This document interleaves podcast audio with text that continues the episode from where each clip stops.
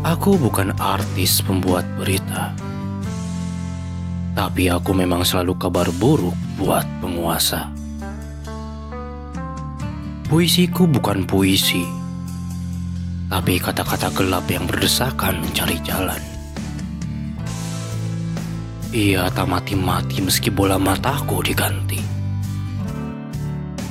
Ia tak mati-mati meski bercerai dengan rumah ditusuk-tusuk sepi.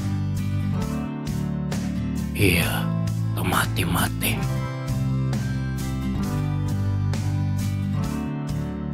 Telah kubayar yang dia minta. Umur, tenaga, luka. Kata-kata itu selalu menagih. Padaku, ia selalu berkata, "Kau masih hidup."